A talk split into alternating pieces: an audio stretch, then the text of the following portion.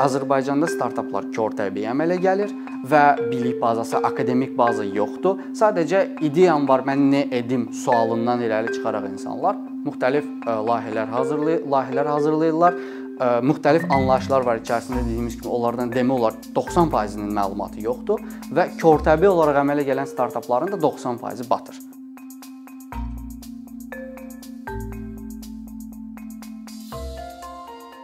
Təxminən 6 ildən çoxdur ki, e, startap və innovasiya sektorunda çalışıram. E, son 3 işimin 3-də də, 3-ündə də e, inkubasiya və innovasiya sahibkarlıq mərkəzinin koordinator vəzifəsini daşımışam.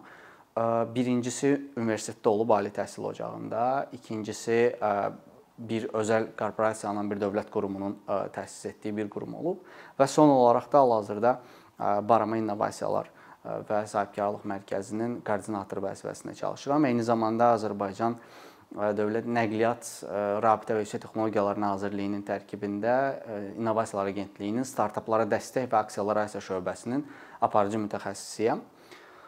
Ümumiyyətlə bu 6 il ərzində əsas məni fokuslayan və məni necə deyirlər bu sahəyə yönləndirən şeylərdən biri yeni şeylərin yaratmağı yaratmağı həyəcanı idi ki, belə şeylərdən motivasiya aldığımı görmüşdüm. Çünki universitet vaxtında da e, teatr klubu və bu tip yaradıcılıq aktlarında tələbəlik dövründə məşğul olduğuma görə bir müddət sonra baxdım ki, ən ideal e, sfera və ən yaxşı sfera ki, orta məktəbdən bəri mühəndislik həvəsi ilə gəlib e, Dövlət Neft və Sənaye Universitetində mexatronika mühəndisliyinə qəbul olmuşdum və ilk kursdan demək olar başa düşdüm ki, e, bu təhsil e, mənə yetəri imkan verməyəcək ki, mən mexatronika və ya da robot mühəndisliyi üzrə tam irəliləyə bilim. Ona görə də Başladım birinci kursdan müxtəlif şirkətlərdə, müxtəlif yerlərdə təcrübə proqramlarına getməyə, iştirak eləməyə.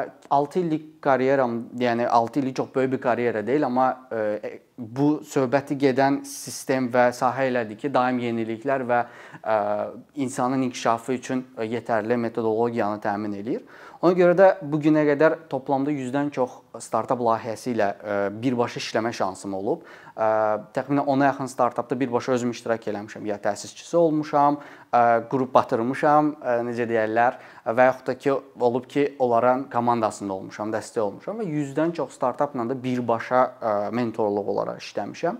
Və bu müddət ərzində də öz biliklərimi artıran zaman və eyni ilə də ki, yerli startaplarla işləyən zaman onların analizini çıxardırdım və bu ümumi analizlərin nəticəsində belə bir necə deyə, əlimə bir belə bir data gəldi ki, Azərbaycanda startaplar körtəbii əmələ gəlir və bilik bazası, akademik baza yoxdur. Sadəcə ideyam var, mən nə edim sualından irəli çıxaraq insanlar müxtəlif layihələr hazırlayır, layihələr hazırlayırlar. Müxtəlif anlayışlar var içərisində dediyimiz kimi onlardan demək olar 90%-nin məlumatı yoxdur və körtəbii olaraq əmələ gələn startapların da 90%-i batır. Və ona görə də Azərbaycanda e, ciddi e, böyük büdcəli startaplar çıxmır. Startap şirkətləri çıxmır. Ona görə də biz belə bir proqram yaratmaq qərarına gəldik ki, içərisindəki bütün modullar akademik modullardır və tədrisdə artıq sınaqdan keçmiş bir metodologiyadır ev tapşırığı olmadan belə bir sistem yaratdıq. Adını da Startup School Azərbaycan dedik ki, əsas fokusumuz bölgələr idi. Birinci sessiyasını əslində e, ötən il eləmişdim. E, fevral ayından may ayına qədər baş tutmuşdu bu. Ə, o vaxt biz nə edirdik? Otururduq Steve Blankın videoları olurdu. Onlara baxırdı, izləyirdi uşaqlarla. Onlayn qoşulurdular rayonlardan uşaqlar izləyirdik. İzləyəndən sonra mən saxlayırdım və başlayırdım izah eləməyə. Öz təcrübələrimdən, onun izah elədiyi şey nəsinə necə olmasına və bir müddət sonra ə, belə bir bizə geri dönüş gəldi uşaqlardan ki, əslində biz izah eləyəndə daha yaxşı başa düşürlər, nəinki o videolara baxanda.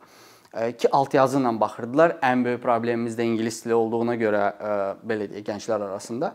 Ona görə də oturdum 1 il ərzində işlədim və Startup School-un materiallarının hamısını Azərbaycan dilində çıxardım. Çünki istənilən bir adam startapla məşğul olursa ona ingilis dili lazımdır.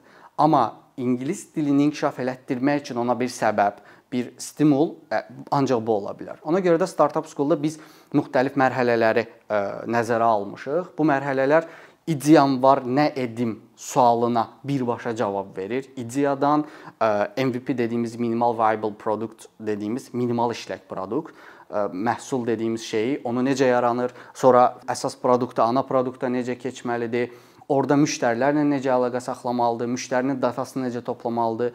Bu dəqiqə Azərbaycanda şəxsi təcrübələrimə əsasən deyə bilərəm ki, çoxlu startap var, amma e, beynəlxalq və yaxud da ki, dünyəvi innovativ şeylərdən demək olar xəbəri yoxdur. Yəni onlayn shoppingi bir startap adlandıra bilməyimiz çox çətindir. Çünki innovasiya yoxdur, data science yoxdur içərisində əksəriyyətində. Datadan istifadə eləmirlər, AI-dan istifadə edə bilirlər. Və bu da öz növbəsində körtəbliyi əmələ gətirir və biz də istəyirik ki, startup school-da entrepreneurial mindset deyə bir şey var. Yəni təşəbbüskar mindset, e, düşüncəsi, düşüncə tərzi. Bunu formalaşdırmağa çalışmaq çalışırıq. Ona görə də bu proqramın məqsədi sırf insanların düşüncə tərzini o yöndə formalaşdırmaq və bugünkü dövrdə Azərbaycanın iqtisadiyyatına və digər gedişatlarına baxanda, ya şəxsən mənə görə e, neft gəlir mənbəyi olmamalıdır. Ona görə də bu gün ən ideal gəlir mənbəyi bizim beynimizi işlətməyimizdir və başımızı işlətməyimizdir ki, Azərbaycan gəncləri iqtisadi olaraq ixraca fokuslanmalıdır. Məhsul hazırlayıb dünyaya ixrac eləməlidirlər ki, bu bugünkü dövrdə çox rahatdır. Cibində telefonu olan hər kəsin cibinə bir mağaza açmaq deməkdir. Ona görə də bu düşüncə tərzindən yola çıxaraq biz istəyirik ki, Startup School-da Azərbaycan dilində, öz ana dillərində uşaqlar startap nədir, ideyam var, onu necə irəliləşdirim, necə konsepsiyalaşdırım, produktun ilkin hissəsini necə hazırlaş, hazırlayım, növbəti mərhələyə necə keçim, müştəri ilə necə işləyim, beynəlxalq əlaqələri necə qurum və sonda investisiyalara gedəndə nələr eləyim. Çox adam heç bilmir səhəm necə baş verir, səhəm bölüşməsi, səhəm alqısı, satqısı, startapların birjaları. Bu tip məsələlər hamısı özünün içərisində barındırır. Agile, Scrum-ı müasir idarə etmə sistemləri, bütün bunları tətbiq edən 2.5 aylıq bir kursdur, proqramdır. 10 həftədən biraz biraz çoxdur. 2 dənə imtahanı var içərisində, bir ortada, bir sonda.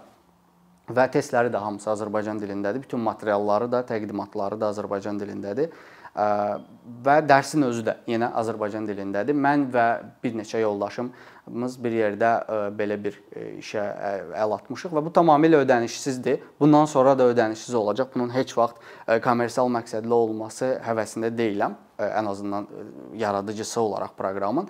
Hal-hazırda 700-dən çox müraciət var və bu da onu göstərir ki, Azərbaycanda gənclər, insanlar buna həvəs göstərir. Buna maraq. Ən azından startap deyəndə artıq insanlar başa düşür nədir və ə, e, bura fokuslanırlar. Ona görə də biz istəyirik bundan sonra növbəti dəfə. Çünki bu 700 nəfərdən böyük ehtimal ki, müəyyən insanlar seçiləcək və yaxud müəyyən insanlar gələ bilməyəcək, qeydiyyatdan keçsə belə iştirak edə bilməyəcək və s. E, növbəti dəfə yenə birini etmək istəyirik. Onda da yenə paralel bir neçə proqramla etmək istəyirik ki, bəlkə yaxşı layihələr var, biz onları inkubasiya əlavə eləyərik, bəlkə o o o səviyyə deyil, startap məktəbinə əlavə eləyək. Yəni paralel aparırıq hamısını və düşünürəm ki, bu ekosistemin inkişafında və yaxın müddətdə Azərbaycanda startap hərəkatının daha da sürətlənməsi və güclənməsində, ölkə iqtisadiyyatının artmasında və insanların paralelində sosial rifahının yaxşılaşmasında çox böyük önəm daşıyacaq. Bu proqram əslində olmalı idi universitetlərdə. Hər bir universitetdə istənilən bir universitetdə. Mühəndislik fakültələrində təhsil alan mühəndis 50% sahibkardır əslində, təşəbbüskardır startap. Çünki bu adam kompüter science öyrənir və yaxud da ki, kompüter mühəndisliyi öyrənir və artıq koda yaxın adamdır. Və bu adam rahatlıqla hər hansısa bir startapın, startap texnologiya şirkətinin CTO-su olma ünvanına tam namizəddir. Ona bir dənə qalır biznes adamı, satış adamı yönləndirmək ki, o ikisi bir yerdə bu startapı qursunlar. Ona görə də universitetlərdə mütləq şəkildə iqtisadiyyat başda olmaqla iqtisadiyyat və mühəndislik universitetlər ixtisaslarını tədris edən universitetlərin hamısında mən düşünürəm ki, birinci kursdan etibarən bu hava su kimi lazımdır. Ən azından sahibkarlıq və təşəbbüskarlıq düşüncəsi, entrepreneurial mindset deyilən o anlayış fənni olaraq keçirilməlidir və dövləti dövlətdən əlavə məncə şirkətlər burada çox maraqlı olmalıdır. Çünki indiki dövrdə şirkətlər öz marağını qoymalıdır ortalığa və universitetlərə hətta mən deyərdim şirkətlər sırf özlərinin inkişafını və insan Azərbaycandakı insan resurslarının inkişafı üçün böyük şirkətlər universitetlərə belə proqramları sifariş etməlidir. Nəyə görə? Ona görə ki, artıq şirkətlərdə işləmək üçün yeni bacarıqlara ehtiyac lazımdır. Bu şirkətlərin dünya səviyyəsində işləməsi üçün yeni bacarıqlar, təşəbbüskar düşüncəsi, entuziazm lazımdır və bu entuziazmı da əmələ gətirən istənilən bir müasir rəqəmsallaşma produktuna getmək lazımdır, rəqəmsal mühitə keçid lazımdır. Bütün bunların hamısında yeni şeyləri sınaqdan keçirmək üçün startap ən ideal vasitədir. Əkinçinin yeni videoları haqqında məlumatlı olmaq üçün kanalımıza abunə olmağı və xəbərdarlıq funksiyasını aktivləşdirməyi unutmayın. İmkandan istifadə edərək cari patronlarımıza işlərimizi davam etməyə yardım olduqları üçün dərin təşəkkürümüzü bildiririk. Əkinçinin Patreon icmasının üzvü olaraq siz bizim təşəbbüsə dəstək göstərməklə bərabər hazırladığımız materialları hər kəsdən öncə izləmə imkanı əldə edəcəksiniz.